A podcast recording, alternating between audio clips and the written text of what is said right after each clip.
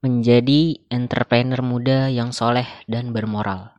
Sebaik-baik usaha adalah usaha orang-orang yang berniaga, yang jika berbicara tidak dusta, jika diberi amanat tidak berkhianat, jika berjanji tidak meleset, jika membeli tidak mencela, jika menjual tidak memuji, jika berhutang tidak menunda-nunda pembayaran, dan jika berpiutang tidak mempersulit.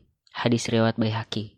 Dari hadis ini mengajarkan bahwa profesi menjadi entrepreneur adalah profesi paling baik menurut Rasulullah.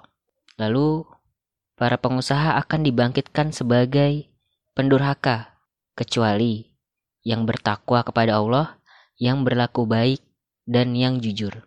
Hadis riwayat At-Tirmizi. Nah, dari dua hadis ini mengingatkan kita untuk menjadi entrepreneur yang soleh dan berakhlak baik.